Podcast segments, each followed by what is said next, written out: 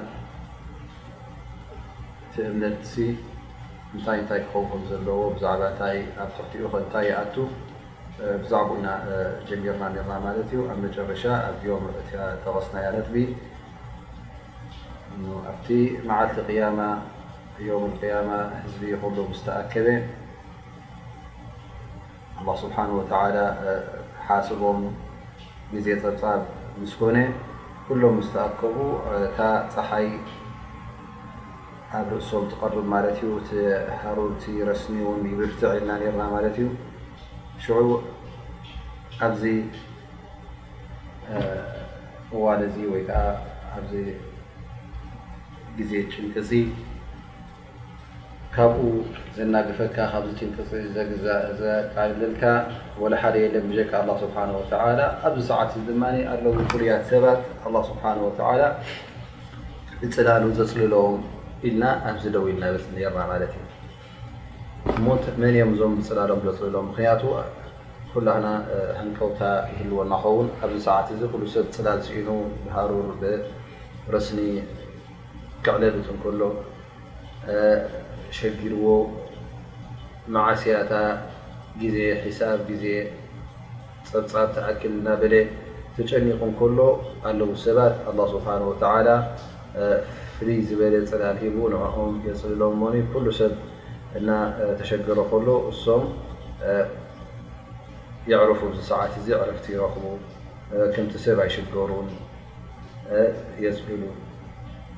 እሶም ከዓ ሸውዓተ እዮም ነቢ ሰለላሁ ዓለይሂ ወሰለም ጠቒሶምልና ሕጂ ንሕና እውን ኣብዚ ሰዓት እዚ ከምኡ ክንከውን ከምኡ ክንረክብ ስለ ንደሊ እሞ ንሕና ውን ብጣዕሚ ሃንቀውታ ኣለና መን እዮም እዞም ሰባት እዚኦም ከምዚ ብልጫ ዝረኽቡ ካብ ሰቦም ዘብልፆም ፍልይ ዝበለ ናይ ኣላህ ስብሓነሁ ወተዓላ ፅላል ረኺቦም ዘዕርፉስ ከምኦም ክንከውን ኩላህና ትምኒትና ስለ ዝኾነ እንሻላህ ሎሚ እዞም ሰባት እዚኦም መን ከም ምዃኖም እዞም ሸውዓተ እዚኦም እንሻላህ ሎሚ ክነዳልዮም ኢና። زعبهم نبينا محمد صلى الله عليه وسلم سبعة يظلهم الله في ظله يوم لا ظل إلا ظله إمام عادل وشاب نشأ في طاعة الله ورجل قلبه معلق بالمساجد ورجلان فحابا في الله اجتمعا عليه وتفرقا عليه ورجل دعته امرأة ذات منصب وجمال فقال إني أخاف الله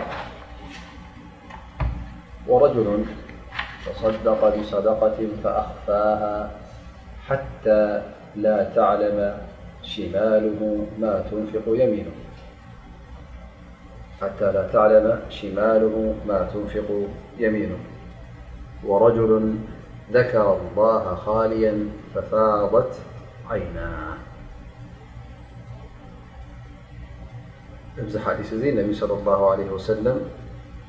ሸውዓተ ኣለዉ ኣላህ ስብሓነሁ ወተዓላ ብፅላሉ ዘፅለሎም ኣብቲ ብጀካ ፅላሉ ኻልእ ፅላል ዘይርከበሉ እዋን ንሶም ከዓ ሓደ በዓል ፍትሒ መራሒ ካልኣይ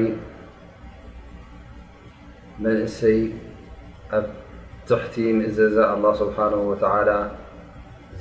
ዕድሚኡ ዘሕለፈ ሳልሳይ ሰብኣይ ልቡ ኩሉ ግዘ ኣብ መስጊድ ኣብ መሳጊድ ዘንጠልጠለ ከምኡ ውን ክልተ ሰባት ፍቕሮም ንኣላህ ስብሓን ወተዓላ ጥራይ ዝኾነ በዚ ፍቕሪ እዚ ይላሂሎም ብኡ ናብኡ ተራኺቦም ክፈላለዩ ከዓ ብኡ ተፈላለዮም ከምኡ ውን ሰብኣይ ጓንስተይቲ በዓልቲ መዝን በዓልቲ መልክዕን ፀዊዓቶ እሞ ኸኣ ኣነ ንኣላህ ስብሓነሁ ወተዓላ እፈርህየ ኢሉ ካብ ማዕስያ ካብ ገበን እተኸልከለ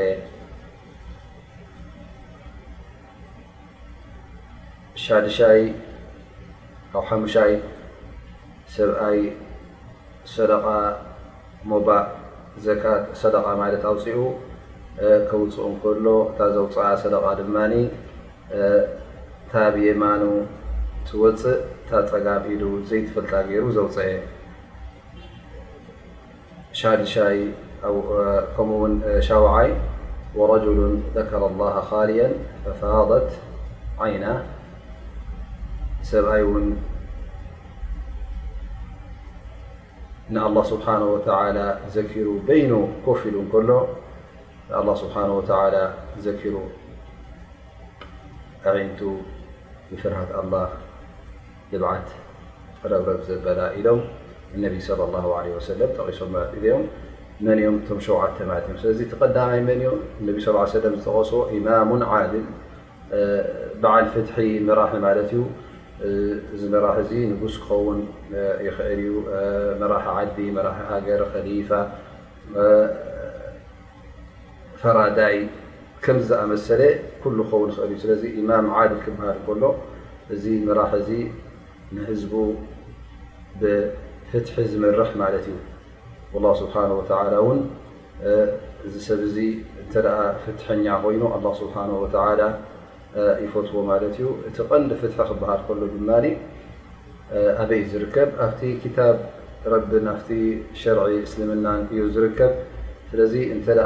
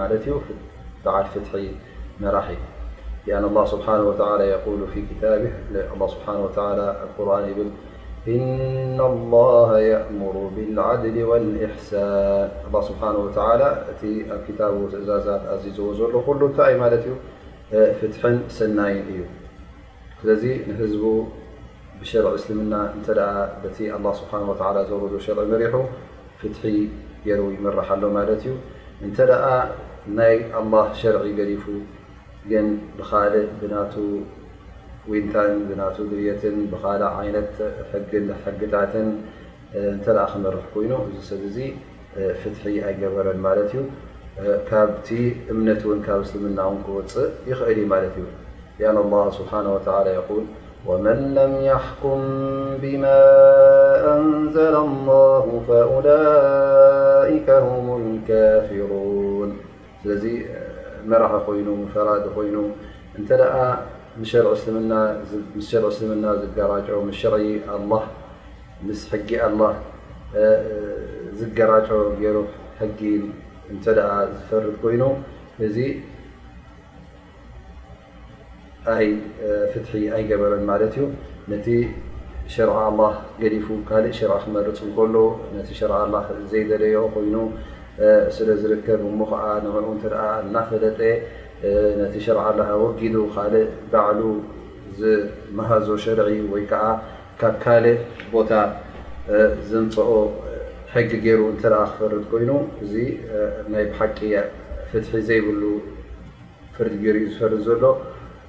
እንተ እቲ ምንጻግ ናቱ ናይ እስልምና ውን በዚ ኮይኑ ካብ ዝይ ተበጊሱ ማለት ነቲ ሸቅ ክነጽግ ከሎ ፈሊጡ ደይ መደይ ኢሉ እንተ ገርዎ እዚ ውን ከሓዲ ክኸውን እዩ ወላ ውን እንተሰገደ ወላ ውን እንተጾመ ሊኣነሁ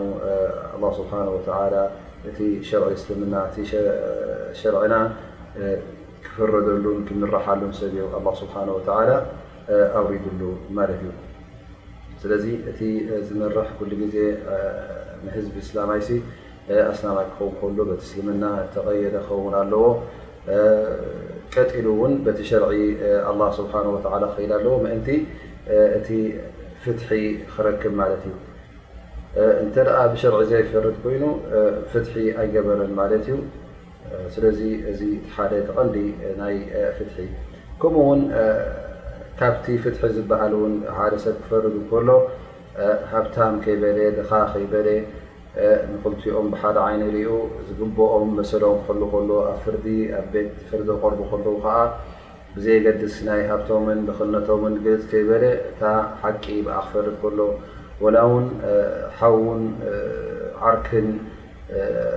ከምኡ እውን ፀላእን ክፈላሊ የብሉን ርሑቕን ቀረባን ኢሉ ውን ክፈላሊ የብሉን ወላ እውን ፀላኢኻ ይኹን ዘይትፈትዎ ይኹን እንተ ኣብ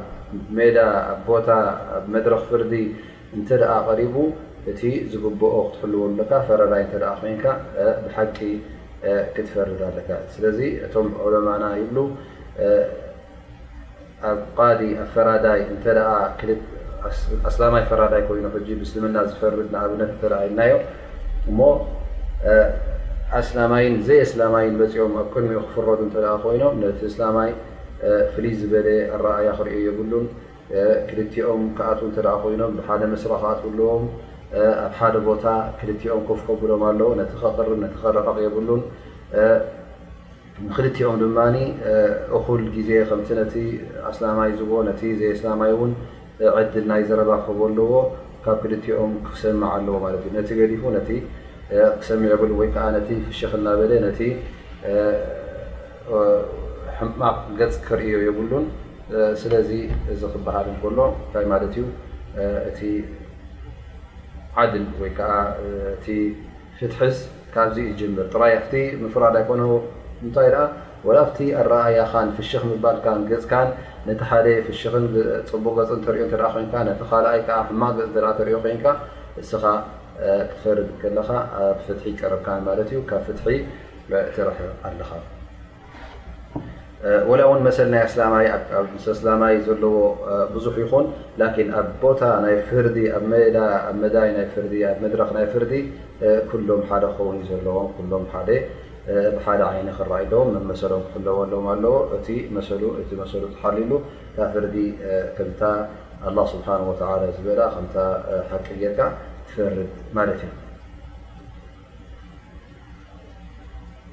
ስለዚ ኣብ ናይ ፍርዲ ክብሉ ከለዉ እውን ወላ ውን ውላድካ ይኹኑ ደቅኻ ይኹኑስ ብፍልይ ዝበለ ዓይኒ ኣይትሪኦምን ኢኻ እንታይ ደኣ ኩሎም ሓደ እዮም ኣብ ቅድሚ ኣዒንትኻ ወነቢይ ለ ላ ለ ወሰለም ሓደ ግዜ ሓንቲ ሰበይቲ ስለ ዝሰረቐት ኡሳማ እብኒ ዜድ መፂኡ ንነቢ ስለ ላ ሰለም መንጎኛ ክኸውን ማለት እዩ ንክትመሓር ኢሉ ንክዛረብ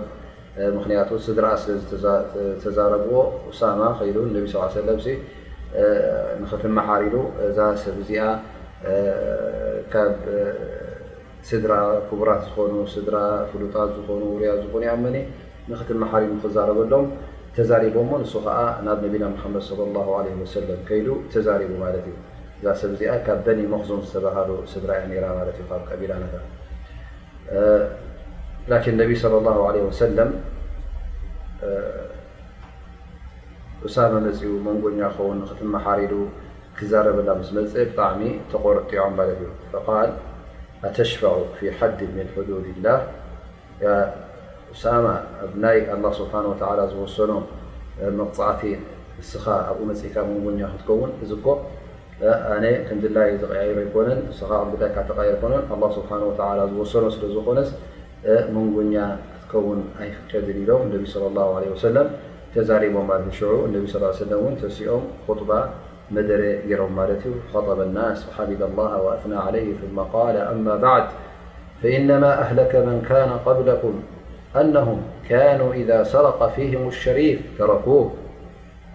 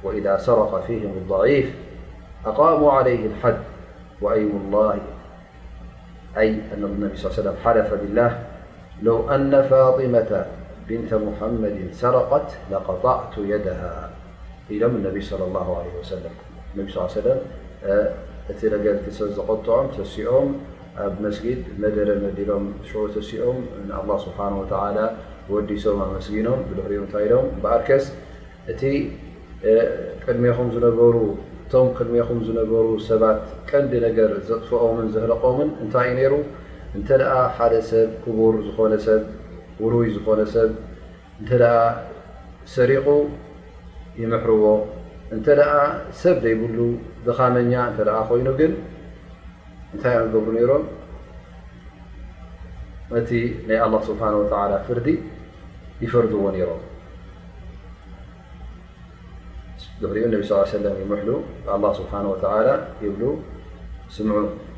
ፋጢማ ጓለይ ጓል መሓመድ እንተትሰርቕ ኣነ ባዕለይ ኢዳ ምቖረፅክዎ ነረ ኢሎም እነቢ ለ ላ ለ ወሰለም ተዛሪቦም መዓኑ ትሰርቕ ኣይኮነትን ሰራቂት ኣይኮነትን ግን እንታይ እዮም ዝብሉ ዘለዉ ነቢ ስ ሰለም እዚ ጉዳይ እዚ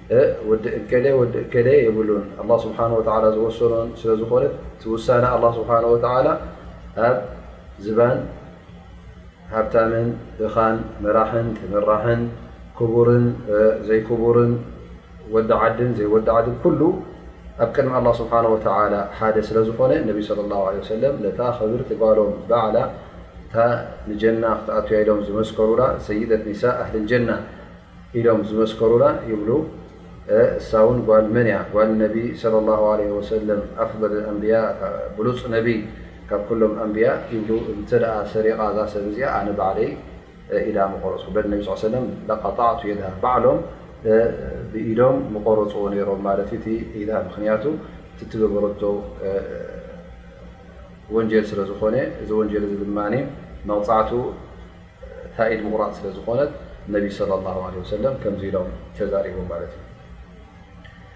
ካብቲ ፍትሒ እውን ዝበሃል እቲ መራሒ እቲ መዚ ወይ ከዓ ስልጣን ሒዙ ዘሎ ሰብ ካብቲ ካብኡ ዝድለ ናይ ፍትሒ ጉዳይ ምክንያቱ እንታይ እዩ እዚ ፍትሒ እዚ ሰማያትን መሬትን እውን ብፍትሒ እዩ ቆይሙ ዘሎ ስለዚ ካብቲ ፍትሒ እውን እንተ መራኺ ኮይኑ እቶም ዝመዞም ሓገዝቲ ወይ ከዓ ፈረድቲ ወይ ከዓ ኣብ ከተማታት ሓለፍቲ ከምዝኣመሰለ ገይሩ ኣብ ትሕቲኡ ንክሰርሑ ዝመርፆም እንተደኣ እዞም ሰባት እዚኦም እኹል ሓይልን ክእለትን ዘይብሎምን እንተደኣ ኮይኖም ፍትሒ ኣይገበረን ማለት እዩ። እዚ ካብ ፍትሒ ዝወጸ እዩ። ምክንያቱ ገለ ሰባት እንተደኣ ስልጣን ሒዞም ንመን እዮም ኣመሓደርትን ሓለፍትን ዝገብሩ ነቶም ስድራቤቶም፣ ኣዝማዶም፣ ኣብ መንጎኦምን ኣብ መንጎ ኣብ መንጎኦምን እንታይ ዘሎ ማለት እዩ ኣብ መንጎ ክልቲኦም እተ ናይ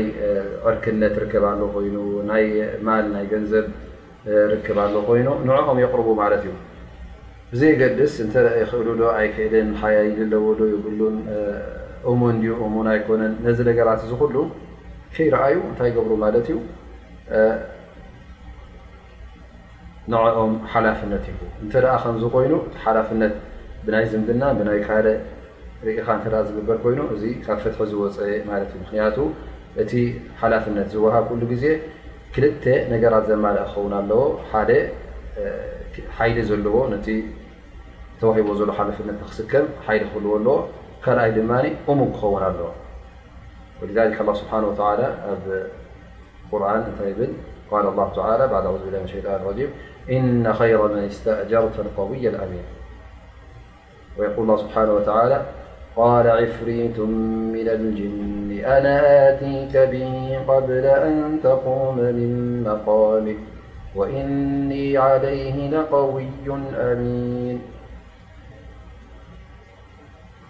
እዚ ዕፍሪት እዚ፣ እዚ ጋኒን እዚ ንሱለይማን ዓለይሂ ሰላም እቲ ናይ በልቂስ ናይ ንግስቲ ሳባ ዙፋን መን የምጻለይ ምስ በለ እንታይ ኢሉ ኣነ የምጻልካ ጌና ካብቲ ቦታኻ ክትገዛእካ ከለኻ ኣነ ውን ሓያል እየ ከምኡ ውን እሙን እየ ኢሉ ማለት እዩ ኣብታ ቀዳመይቲ ኣያ ዝቀራእናያ ውን ጓል ነቢና ሹዐይብ ዓለይሂ ሰላም ንሙሳ ዓለይሂ ሰላም ምእንቲ ከስርሖ ኣቦኣ እንታይ ኢላ እንተ ዝበለጸ ነቲ ጉዳይ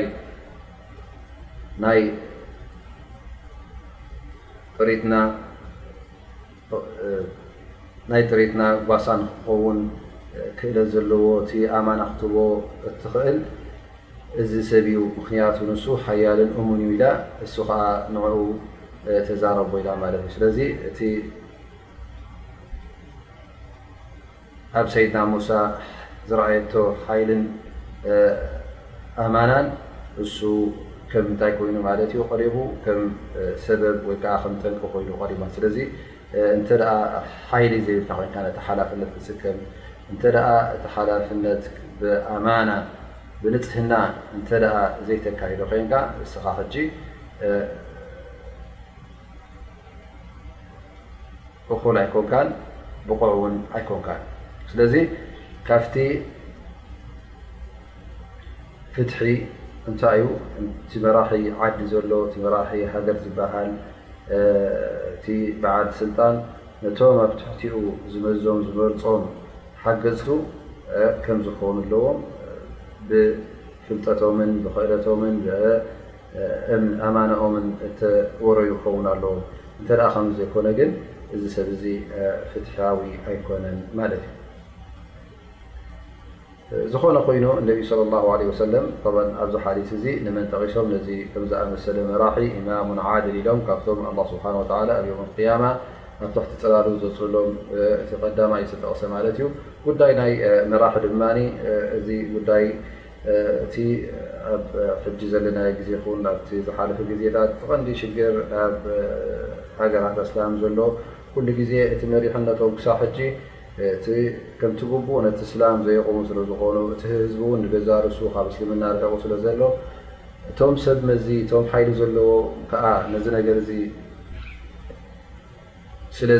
ብሓቂ ስለ ዘይቆሙሉ ብዙሕ ጉድለታት ይርከብ ማለት እዩ። እንተ እቲ መራሒ ዘይተዓረየ እሞ ኸዓ እንተ ነብሱ ተዓርዩ ነቲ ህዝቢ ከዕሪ ዘይክእል እተ ኮይኑ ናበይ ሒዝዎም ይኸይኑ ክጠፍእ ማለት እዩ ናብ ካልእ ሒዝዎም ክጠፍእ እዩ ኣብ ክንዲ ናብ መገዲ ቐንዕና ዝወስዶም ናብ መገዲ ጥፍኣት ክወስዶም እዩ። እዚ እውን ጠብዓን እቲ ዝዓበየ እቲ ዝበርተዐ ጉዳይ ስለ ዝኾነ ኣልዓድል ፊ ራዕያ ኣብ ህዝቢ እቶም ኣብ ትሕቴኻ ዘለዉ ብፍትሒ ክትሕዞም ክትመርሖም እቲ ዝበርተዐን ዝሓየለን ስለ ዝኾነ ነቢ ስለ ላሁ ዓለይሂ ወሰለም ቀዳማይ ገይርዎ ማለት እዩ መጀመርያ ኣብቶም ሸውዓተ ኣላህ ስብሓነሁ ወተዓላ ዘፅሎም ጠቒስዎ ማለት እዩ ስለዚ እሱ እንተድኣ ተዓርዩስ እታ ኡማ ንገዛእ ርእሳ ኩላ ንክትዕረ ዓቢ ዕድል ምረኸበት ነይራ ግን እንተ እቲ መራሒ ተበላሽዩ ምንባቢ ኣውላ እቲ ተመራሒ ውን ንክበላሾ እቲ ዓቢ ዓዲ እቲ ሽማግለ እቲ ፈላጥ ዝበሃል እዚኦም እንተ መገዲ ዘይሓዙ እሶም እንተ ጠፊኦም እቲ ዘይተማህረን እቲ ደንቆሮ እቲ ደድሕሪ ሰብ ዝኸይድ እዚ ኩሉ ሱቕ ኢሉ ክጠፍእ እዩ ማለት እዩ። እዚ እቲ ቀዳማይ እዩ እቲ ካልኣይ ከኣ ነቢ ስ ላ ሰለም ንመን ጠቒሶም ሻቡን ነሸኣ ፊ ጣዓት ላህ ሻቡን ነሸኣ ፊ ጣዓት ላህ ጠብዓ መንእሰይ ማለት እዩ ጌና ጎበዝ ዝኾነ ማለት ኣብ መንጎ ንበሎ ዓሰርተ ሓሙሽተ ዓመትን ሰላሳ ዓመትን ዘሎ ዕድመ እዩ ኣብ ሰላሳታት እውን ንኸውን ክሳዕ ዓርብዓ ዝበፅሕ ዝኹሉ መንእሰይ ከንብሎ ንኽእል ማለት እዩ እዚ መንእሰይ እዚ ድማ መብዝሕትኡ ግዜ ንእሽተይ ኩሉ ግዜ ይለዋወጥን ይቀያየርን እዩ። ሓደ መርገፂ ሒዙ ኣይከይድን እዩ። ምክንያቱ ገና ልምሉም ስለዘሎ ገና ስለዘይበሰለ እቲ ናይ ኣዱንያ ነገር ኩሉ ስለ ዘይፈለጦ እንታይ ዝገብር ነቲ ይፍትን ኣብቲ ከይድ ኣብቲ ከይድ ጌና ኣብ ግዜ ትምህርቲ ስለ ዘሎ ንየማን ንጸጋም ክገላብጥ ትሪኦ ማለት እዩ ስለዚ እዚ መንእሰይ እዚ ሕጂ እንተ መገዲ ኣላህ ስብሓን ወተዓላ ሒዙ ቀጥ ኢሉ ከይዱ ዳሕራይ ኣብ ግዜ ዕብየቱ እንተ ብንእስነቱ ዘይተጋገየ ኣብ ግዜ ዕብየቱ ኣይክጋገይን እዩ። ስለዚ ነቢ ስለ ላ ለ ሰለ ብ እዚ መንእሰይሲ መብዛሕትኡ ግዜ ክጋገ ስለ ዝኽእል ኣብ ጌጋ ስለ ዝወድቁስ እንተ ሓደ መንእሰይ ተባሂሉ ኣብ ግዜ ንእስነቱ ኩሉ ካብቲ ዘየድሊ ስነ ሓሳባትን ዊንታታትን ናይ ሓሳብ ይኹን ናይ ጠባይ ይኹን ናይ ስነ ምግባር ይኹን ናይ ካልእ ነገራቱ ኩሉ እንተ ቀጢሉ መገዲ ኣላ ስብሓን ወተላ ሒዙ ከይዱ እዚ እታ ግዜ ጥፍኣት ብሰላም ስለ ዝሓለፋ እሞ ምስ ዓበየ ድማ ካብኡ ዝበለፀ ክኸውን ስለ ዝኾነ ነቢ ስለ ላ ለ ወሰለም ይብሉ እዚ መንእሰይ እዚ ካብቶም ሓደ ኣላ ስብሓን ወተላ ኣብ ትሕቲ ፅላለቱ ዘፅሎም እዩ ኣብቲ መዓልቲ ፅላለት ዝዝለዮ እዋን እዚ ኸዓ እንተ መገዲ ኣላህ ስብሓን ወተዓላ ሒዙ ዝኸይድ ክበሃል ኮይኑ ፍሉጥ እዩ ተማሂሩ ክኸውን እዩ ተዓሊሙ ክኸውን እዩ ብዛዕባ ዲኑ ፈሊጡ ማለት እዩ ምኽንያቱ እንተ ጣዓ ክገብር ኮይኑ ብመእዘዛ ኣላ ስብሓ ወተላ ተማእዚዙ ኸይዱ እተ ኮይኑ ግዴታ ትዲኑ ፈሊጥዎ ኣሎ ማለት እዩ ስለዚ ብልእስነቱ ተዓሊሙ ኣሎ ተማሂሩ ኣሎ ማለት እዩ እሞ ኸዓ እቲ ግዴ ናይ ወለዲ ንሪኦ ኣለና ማለት እዩ። ሕጂ እዚ ወለድስ ጌና እቲ ውላዶም ህፃን እንከሎ ከይዓበየ እንከሎ ከርክብሉ ኣለዎም፣ ከፍልጥዎ ኣለዎም፣ ዕድመ ከቕስምዎ ኣለዎም። እንተድኣ ተማሂሩ ተዓሊሙ እንሻኣላህ ዳሕራይ ኣብ ግዜ ንእስነቱ መገዲ ሒዙ ቀጥ ኢሉ በቲ ረቢ ዝፈትዎ መገዲ ክኸይድ። ክልተ ጨሪስና እቲ ሳልሳይ። ነቢ ስ ሰለም እንታይ ኢሎም ይብሉ ረጅሉን ሙዓለቁን ቀልቡሁ ቢልመሳጅድ ማለት እዚ ሰብ እዚ ልቡ ምስ መስጊድ ተኣሳሰረ ኣብ መስጊድ ተጠልጠለ ማለት እዩ ንሱ ከዓ ንመስጊድ ዝፈቱ ኩሉ ግዜ ኣብ መስጊድ ትረኽቦ ቅድሚ ሰላት ሰላት ጌና እንከሎ ተዳልዩ ኣቐዲሙ ይኣቱ ብዙሕ ይሰግድ ስለዚ እዚ ሰብ እዚ ኩሉ ግዜ ብሰላት እንሽቃል ገይሩ ማለት እዩ ብሰላት ሓሳባቱ ኩሉ ግዜ ናብ ሰላት ስለ ዝኾነ ቀዳምነት ንምንታይ ይህብ ማለት እዩ ንሰላት ይህብ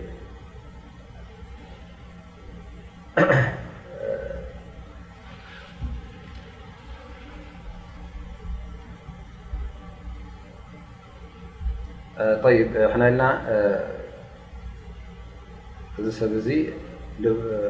መስጊድ ይፈቱ ኩሉ ግዜ ኣብ መስጊድ ኣቀዲሙ ይርከብ እታ ናቱ ዕረፍቲ ናቱ ራሓ ድማ ኣብ ምንታይ ትኸውን ኣብ ሰላት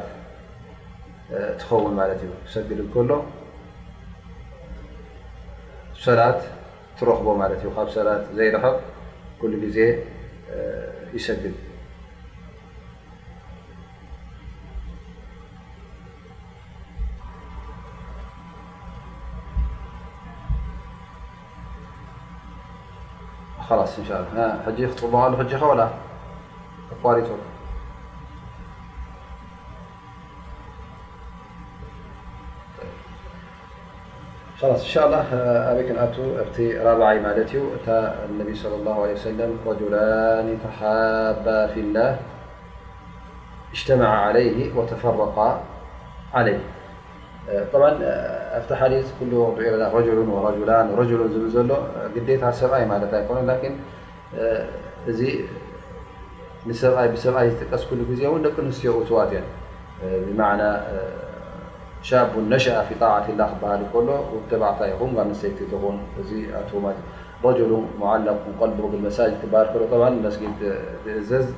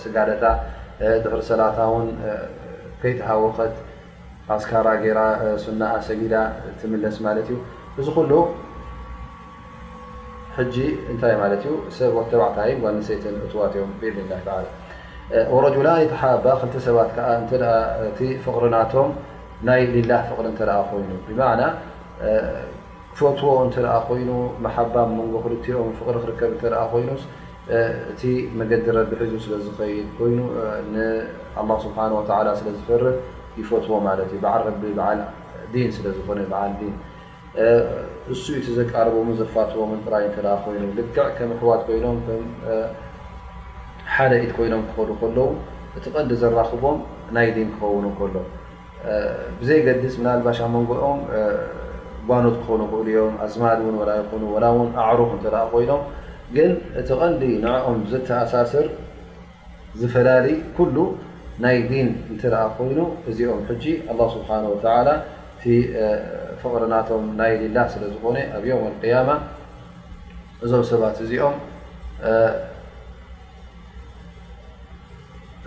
እዚኦም እንታይ ክገብረሎም እዩ ኣላ ስብሓን ወተላ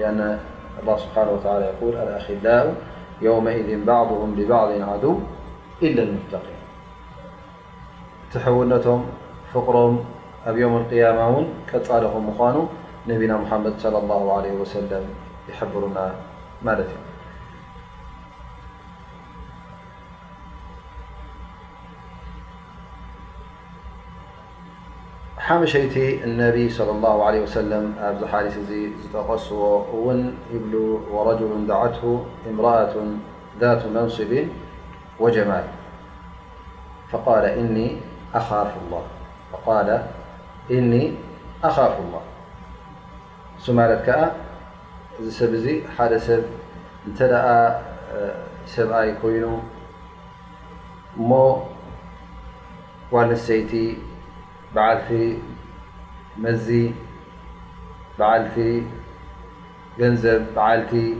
መልክዕ ፅብቕቲ ዝኾነት ምስኣ ዝሙውና ክፍፅም እንተደኣ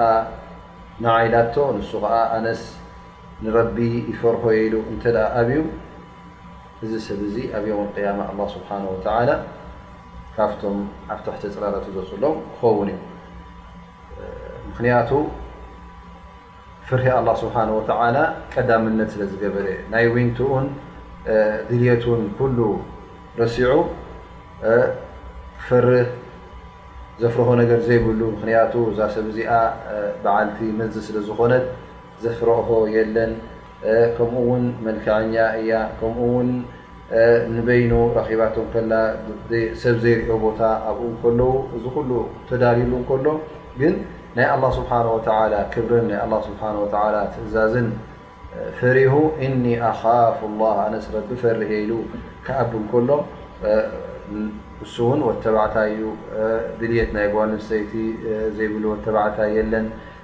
ግን ብሓላል ክኸውን ኢሉ ስለ ዝኣምን ፍርሂ ኣላህ ስብሓነሁ ወተዓላ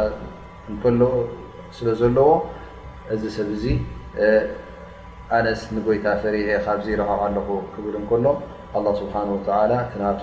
ተግባር ዓቢ ተግባር ስለ ዝኾነ ኣብ የውመል ቅያማ ብፅላለቱ በቲ ፍሉይ ፅላለት ኣላህ ስብሓነሁ ወተዓላ የፅልል። እዚ ነገር እዚ እውን ነቢና ዩሱፍ ዓለይሂ ሰላም ኣጓኒፍዎ ነይሩ። ንሱ ኸኣ ነቢ ወዲ ነቢ እዩ። ሓንቲ ኣብቲ ገዛ ኣብቲ ንግስነት ናይ ፍርዖን ዝነበረት በዓልቲ ኣቦኣ ሰብኣያ በዓል መዚ እሞ ኸኣ እሳ ውን ካብተን ዓበይቲ ሃገር ትቑጸር ዝነበረት ምስኡ ረቢ ዘይፈትዎ ጎይታ ዘይፈትዎ ናይ ዝምውና ነገር ክትፍጽም ንኸተገድዶ ስለ ዝሓሰበት እሞ ንሱ ኸኣ መንእሰይ ጎበዝ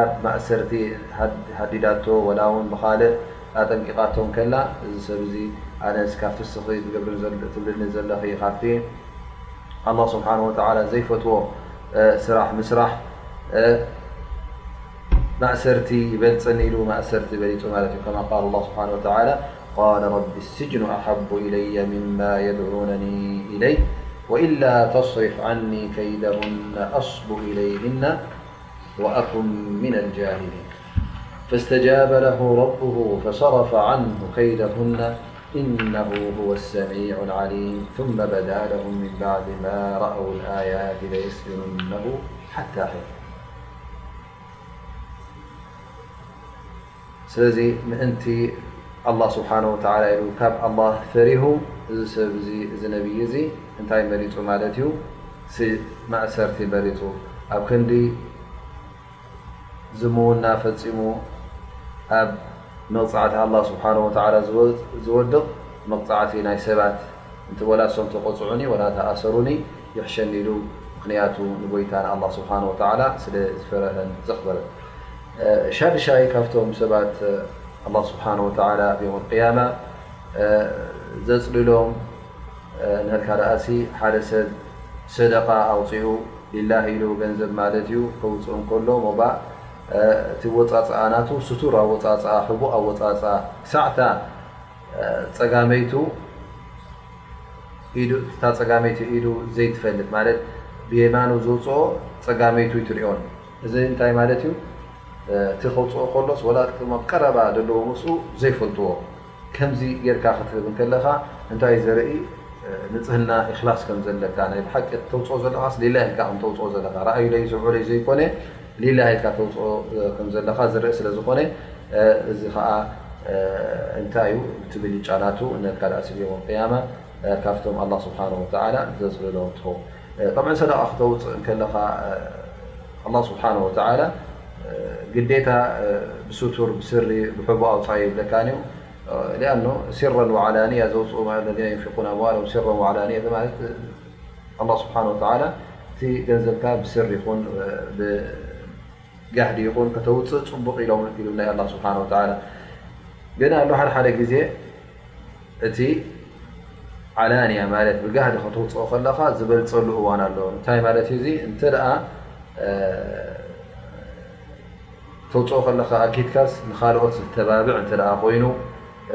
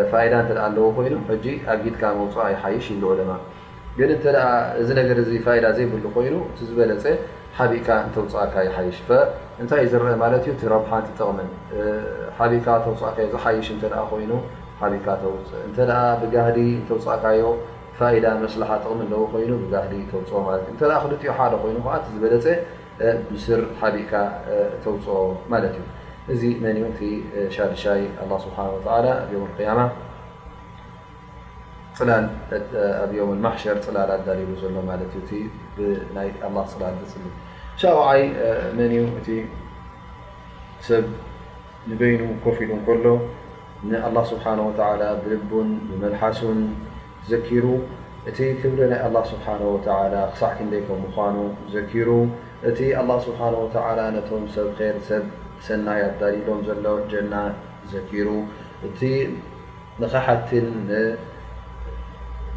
ንማዕስያ ዝፍጽሙ ዘይምእዘዙ ሰባት ውን ኣዳልዩሎም ዘሎ መቕጻዕቲ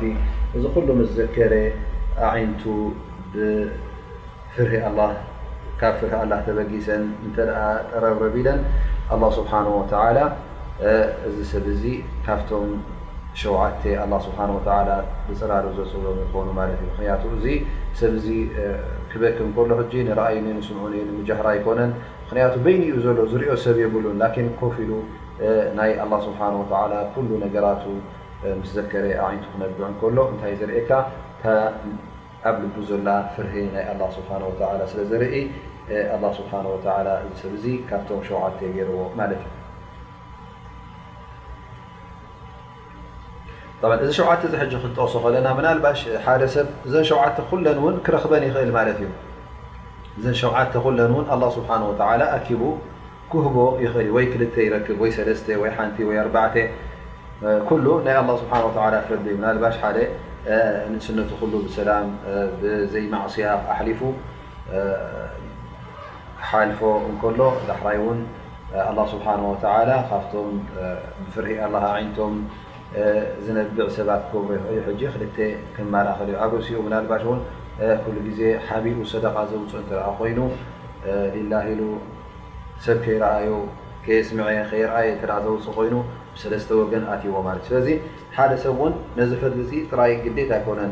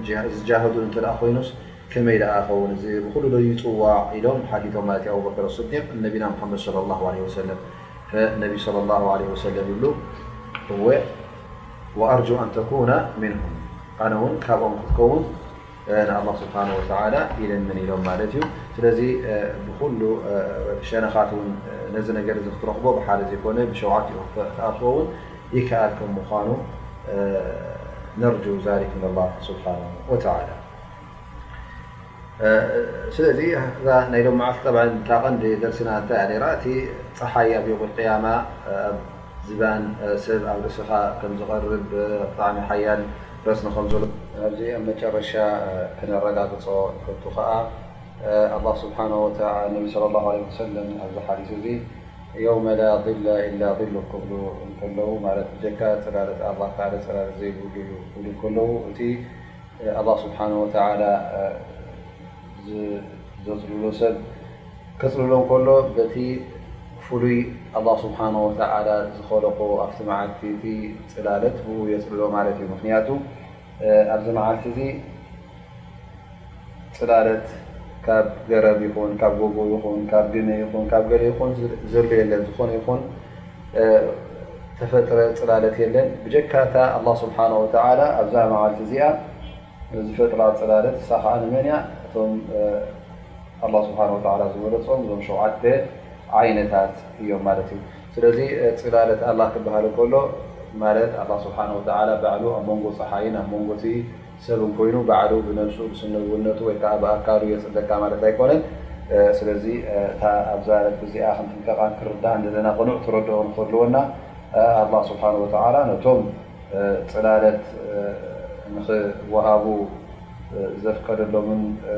ዝበቐዑን ዘጽልሎም ብባዕሉ ዝፈጠሮ ፍሉይ ጽላለት ፍሉይ ጽላል ከም ምዃኑ من ن كنر علና مت ዩ إنشاء الله ب درس د أقول قول هذا وأسل له سبحانه وتعالى أن ينفعنا بما سمعنا وأن يعلمنا ما ينفعنا وصلى الله على نبينا محمد وعلى له وصحبه وسلم أجمعين